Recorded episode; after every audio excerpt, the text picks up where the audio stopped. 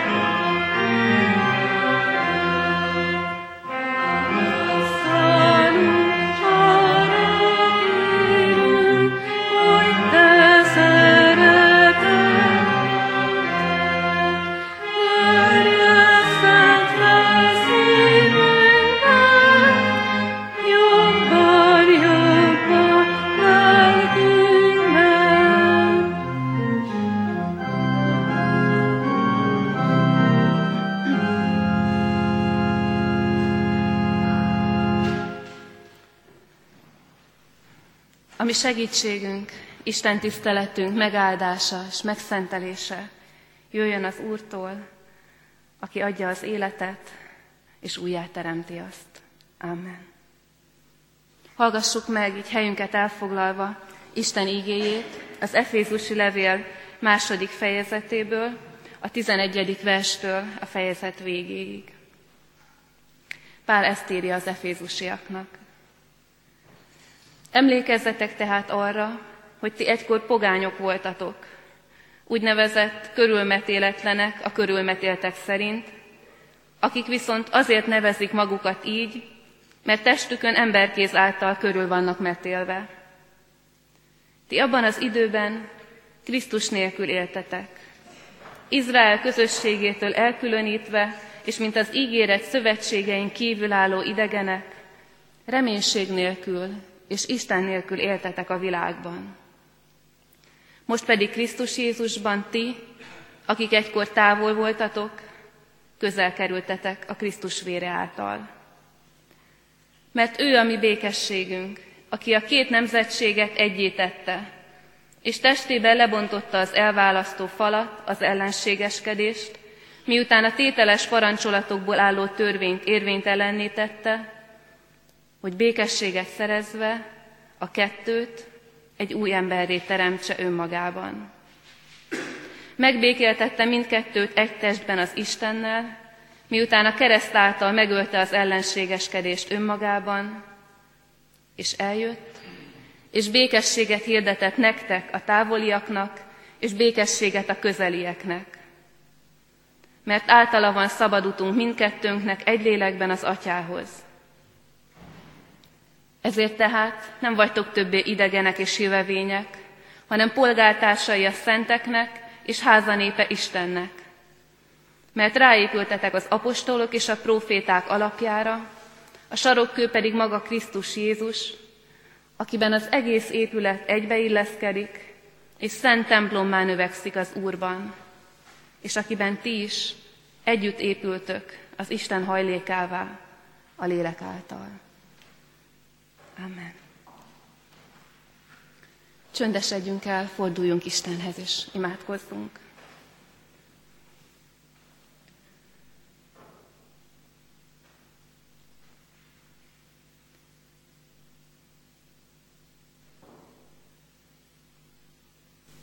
Jó nekünk, atyánk, hogy itt itthon vagyunk. Akkor is, hogyha évtizedek óta megvan a helyünk a templomban, és akkor is, ha újonnan jöttünk. De köszönjük, hogy itthon vagyunk, elsősorban azért, mert nálad vagyunk. Mert ez a te helyed, és itt készítesz mindannyiunknak személyre szóló helyet, ahol kényelmesen és biztonságban lehetünk, ahol megmutathatjuk magunkat neked úgy, ahogy vagyunk, és engedhetjük a szavadat, hogy hozzánk elérjen, hogy formáljon, hogy erősítsen, hogy bátorítson, hogy megítéljen, hogy utat mutasson. Köszönjük ezt a nagy biztonságot, és köszönjük a testvéreket, hogy nem egyedül vagyunk itt. És könyörgünk, hogy áld meg ezt az Isten tiszteletet most olyan szent lélekkel megáldott közösséggel, ahol átéljük azt, hogy nem vagyunk egyedül, mert benned testvéreket kaptunk. Kérünk Istenünk, hogy így szenteld meg ezt a mai estét is. Amen. Két verset szeretnék kiemelni az előbb hallott ige szakaszból, az Efézusi levél második fejezetének a 13. és a 14. versét. Ezt mondja Pál. Ti pedig Krisztus Jézusban, akik egykor távol voltatok, közel kerültetek a Krisztus vére által. Mert ő a mi békességünk, aki a két nemzetséget egyétette, és testében lebontotta az elválasztó falat, az ellenségeskedést. Az Efézusi levél fog vezetni bennünket estéről estére az előkészületben az úrvacsorára, és egészen biztos, hogy nem a legkönnyebb ige szakaszok közé tartozik. Mégis azt gondolom, hogy néhány szó az azért nagyon ki tud csengeni, és nagyon egyértelműen tud hozzánk jönni. Például a távolság és a közelség. Az, hogy kívül, és az, hogy belül. Az, hogy hová születtünk, az nagyon egyértelmű, hogy sok mindenben meghatároz bennünket. Vannak helyek, vannak közösségek, ahol azért, mert azoknak születtünk, vagy annak születtünk, akinek nagyon otthonosan mozgunk, belenőttünk, mindig ott voltunk, mindig otthon voltunk.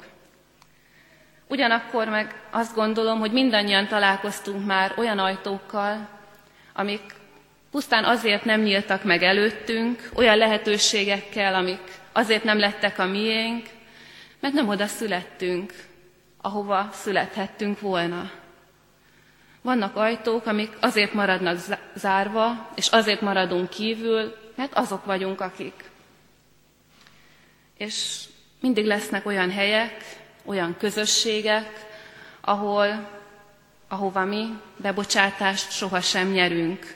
Pusztán azért, mert azok vagyunk, akik. Nyilván banális példa, és azt gondolom elég messze áll mindannyiunktól, de talán elég érzékletes, hogy egyikünk sem valószínű, hogy bele fog kerülni az ország felső x ezerébe, tízezerébe, ötezerébe, felső ötvenébe.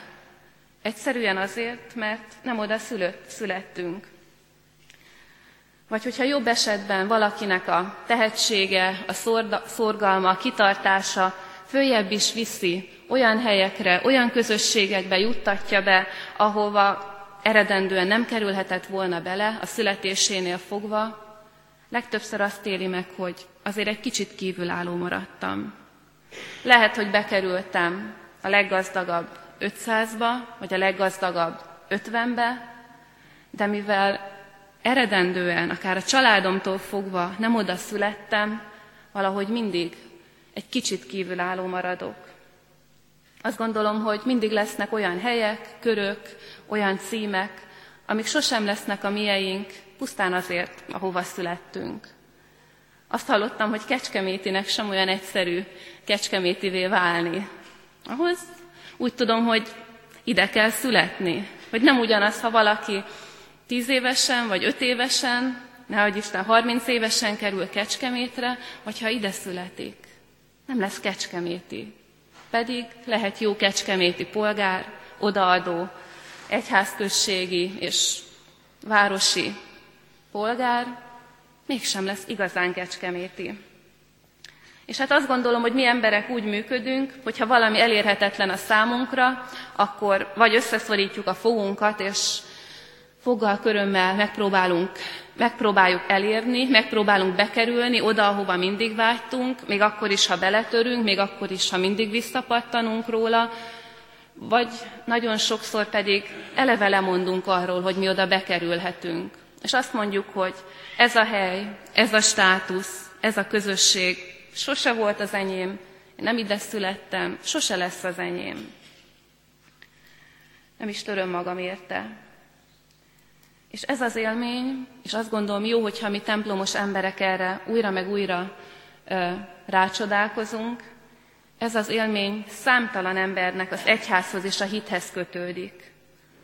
Nem születtem bele, kiskoromtól nem volt az enyém, nem tanítottak meg imádkozni, nem szoktam meg az Isten tiszteleti légkört, és ebből következzen nem az enyém az életvitel se, a rendszeres Isten tiszteletre járás, az erkölt sem. Sokaknak egészen idegen, egészen érthetetlen, távoli a mi hitünk és a mi életvitelünk. Annak a gyülekezetnek a gondnoka, ahol korábban szolgáltam, úgy fogalmazta ezt meg, hogy szinte átléphetetlenül magas a templom küszöb annak, aki kívülről akar bejönni. Szinte átléphetetlenül magas.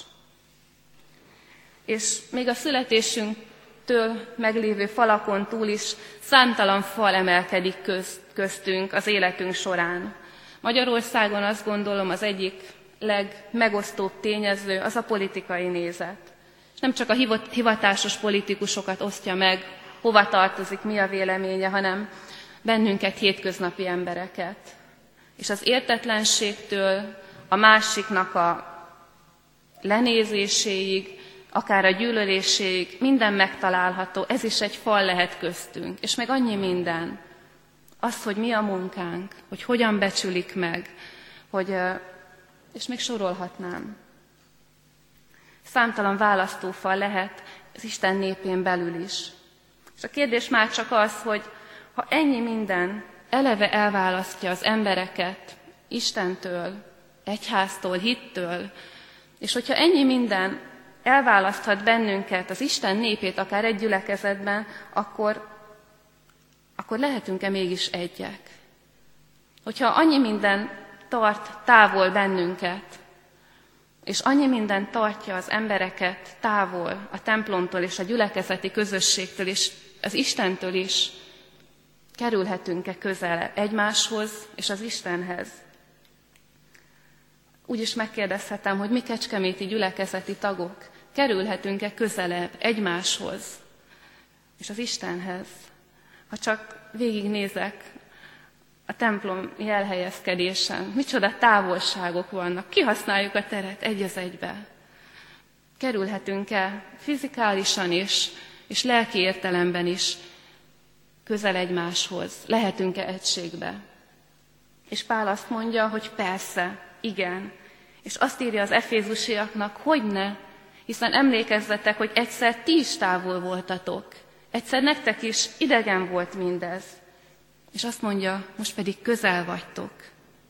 Régen kívül voltatok az Isten szövetségén, érthetetlen volt nektek az Isten minden ígérete, és most a tiétek. Hogy ne? És azt gondolom, hogyha visszaemlékezünk, többünknek ugyanez az élménye. Talán régen, vagy talán nem is olyan régen, még nekem is távoli volt az, hogy egy hétköznap este Isten tiszteleten ülök. Nekem távoli volt az, hogy elővegyem a Szentírást, és onnan keressem az Isten akaratát, várjam, hogy megszólít. És olyan csodálatos az, hogy ahogy az efézusiak megélték, hogy a távolról lehet közel kerülni, úgy az a mi élményünk is lehet. Hogy a falak, amelyek eredendően megvoltak, azok le tudnak omlani az Istenben.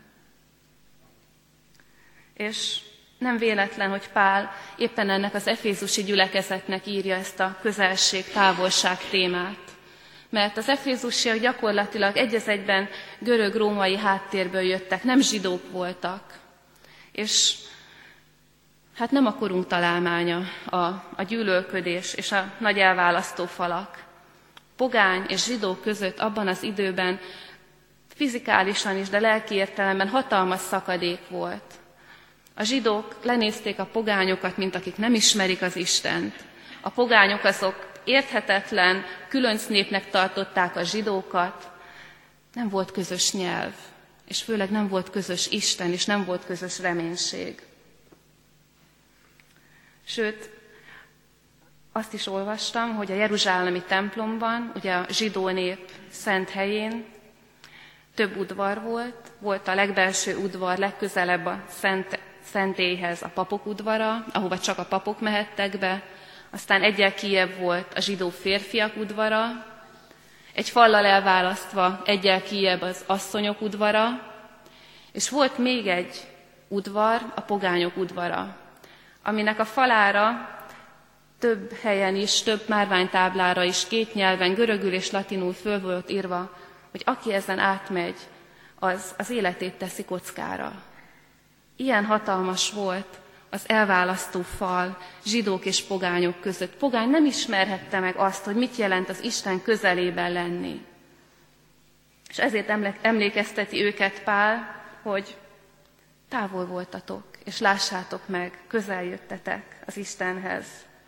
És ha azt kérdezzük, hogy hogyan, hogy hogyan bomolhatnak le falak köztünk és az Isten között, köztünk és egymás közt, köztünk és azok között, akiknek még nem otthona az Isten és a templom, akkor azt kell mondanunk, hogy ha rajtunk állik, akkor sehogy. Mert amíg a zsidó csak nekiáró kiváltságnak tekinti azt, hogy ő van az Isten közelében, és, hogy, és lenézi azt, aki nem a szövetségbe született, addig soha nem lesz az elválasztó falakból szabad út pogány és zsidó között. És amíg a pogány csak a maga erejéből próbál bekerülni a közösségbe, megérteni az Istent, sosem lesz egység.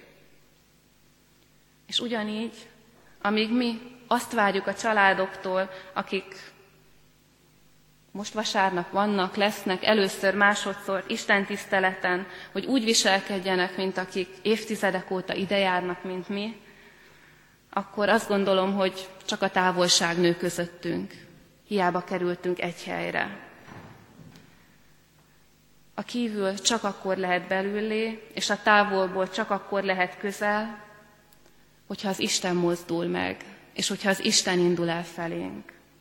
És Pál erről beszél, hogy lettetek ti kívülvalókból benfentesekké?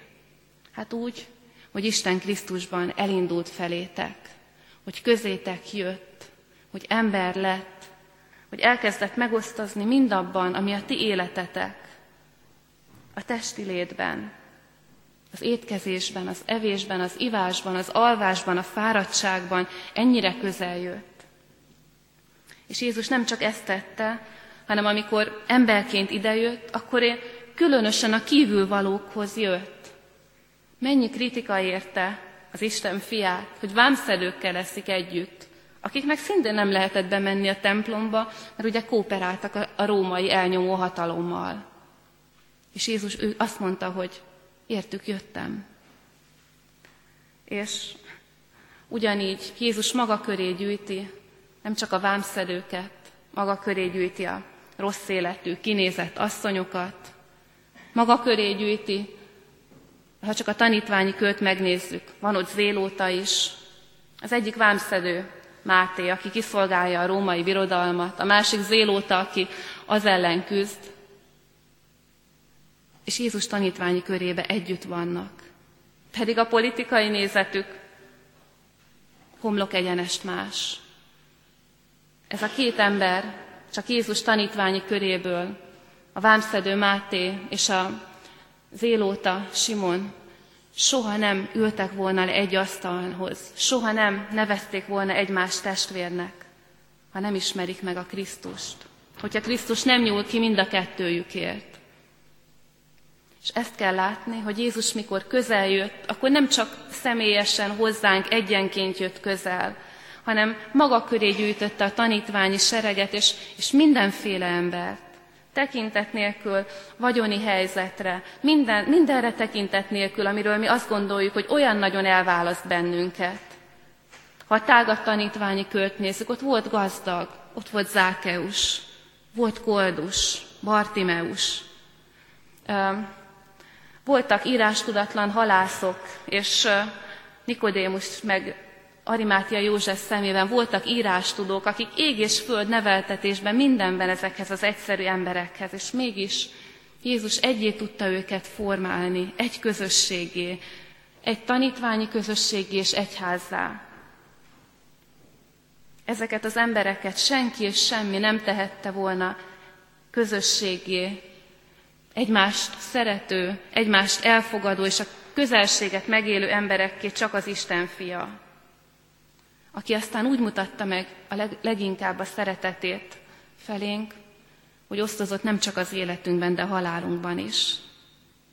Sőt, abban is osztozott velünk, amit nekünk már nem kell hordani, a bűnök büntetésében. Az Isten szeretete ilyen nagy, osztozik az életünkben, és osztozik a halálunkban. És hadd kérdezzem meg, hogy hol van másik hely, ahol a hajléktalanból lett sírásó és a jól menő üzletember egymás mellett ülhetnek, és nem fintorognak egymásra. Hol máshol, hanem az Isten gyülekezetében. Én ezt megéltem, láttam. Sőt, tovább megyek. Hol van az a hely, ahol a volt hajléktalan, aki elvesztette a családját, elvesztette a munkáját, az önbecsülését. Nem csak ott ül a sikeres üzletember mellett, aki gyerekkorától keresztény családban nőtt föl, jó házasság, szép gyerekek, kiegyensúlyozott családi lét, nem csak egymás mellett ülnek, hanem együtt is dolgoznak. Együtt fúrnak, faragnak mondjuk a gyülekezeti konyhát. Hol máshol, csak az Isten gyülekezetében, és a munkában egyenlőek, a szolgálatban egyenlőek. És csak még egy lépés. Ugyanez a két ember, a hajléktalanból lett sírásó, és a sikeres üzletember, hol máshol fogja megvallani a hibáit, a mulasztásait, a vétkeit, és átélni a bűnbocsánatot, mint az Úr asztalánál. Megint egyenlőek. Sehol máshol, csak az Isten gyülekezetében. az Isten ennyire közel tudja hozni az övéit egymáshoz. Együtt leszünk a Krisztus szeretetében, a Krisztus szolgálatában és a bűnbocsánat ajándékában. És Pál arra hív bennünket, hogy csak azt ne feledjük, hogy honnan jöttünk. Csak azt ne feledjük, hogy egykor mi is kívülállók voltunk. Egykor nekünk is értelmetlen fecsegés volt a keresztről szóló ige hirdetés.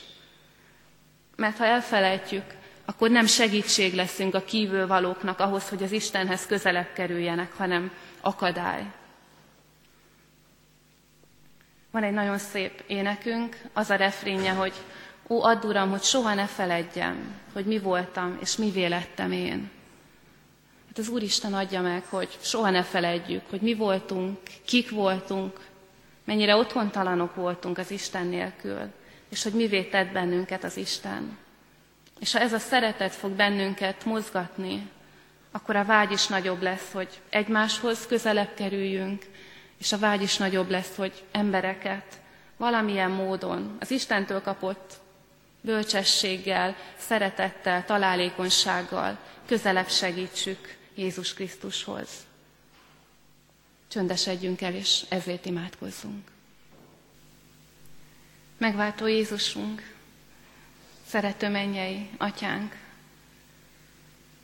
újra meg újra szembesülünk azzal, hogy sokszor jobban szomjazzuk a mindenféle ajándékaidat, mint, mint a legnagyobb jót, hogy közel lehessünk hozzád. És köszönjük, hogy te nem sajnálsz időt, energiát, hogy újra meg újra emlékeztes bennünket, hogy a legnagyobb jó az az, hogy magadhoz fogadtál bennünket. A legnagyobb jó az, hogy gyermekeidnek, fiaidnak és lányaidnak, örökösöknek tekintesz, egynek a gyermekeid közül, Jézus Krisztus testvérének. Köszönjük azt a változást, ami végbe ment az életünkben, az elmúlt időben, és köszönjük azt az utat, amit bejárhattunk, ami hisszük, hogy közelebb vitt hozzád, és talán közelebb egymáshoz is. És most könyörgünk, hogy te segíts jobban járni ezt az utat. Te segíts közelebb maradni hozzád, és engedni, hogy közelebb kerüljünk egymáshoz is. És atyánk, Pállal együtt megvalljuk, hogy az a vágyunk mindannyiunknak itt, hogy kizendüljön az evangélium, hogy hívjon másokat is. Kérünk, hogy ebben is hadd legyünk jó eszközeid. Amen. Együtt mondjuk el azt az imádságot, amire Jézus Krisztus tanított bennünket.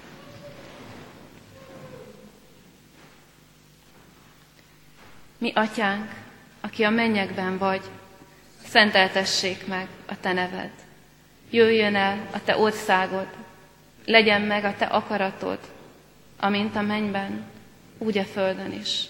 Minden napi kenyerünket add meg nékünk ma, és bocsásd meg védkeinket, miképpen mi is megbocsátunk az ellenünk védkezőknek. És ne vigy minket kísértésbe, de szabadíts meg a gonosztól, mert tiéd az ország, a hatalom és a dicsőség mindörökké. Amen. Álljunk föl, és úgy fogadjuk, úgy kérjük egymás életére az áldást. Most a megszokott rendtől eltérően nem meghallgatjuk az áldást, hanem együtt fogjuk egymásnak is énekelni.